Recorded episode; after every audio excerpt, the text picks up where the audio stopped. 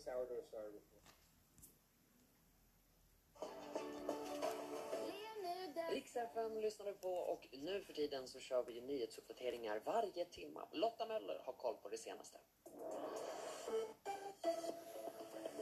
Ja, då tar vi och börjar med att Världshälsoorganisationen, WHO, varnar nu för att USA kan bli nästa epicentrum för ett utbrott av coronaviruset. Anledningen är att man ser en väldigt snabb ökning av antalet fall i landet. Just nu har USA närmare 46 500 smittade och närmare 600 personer har dött.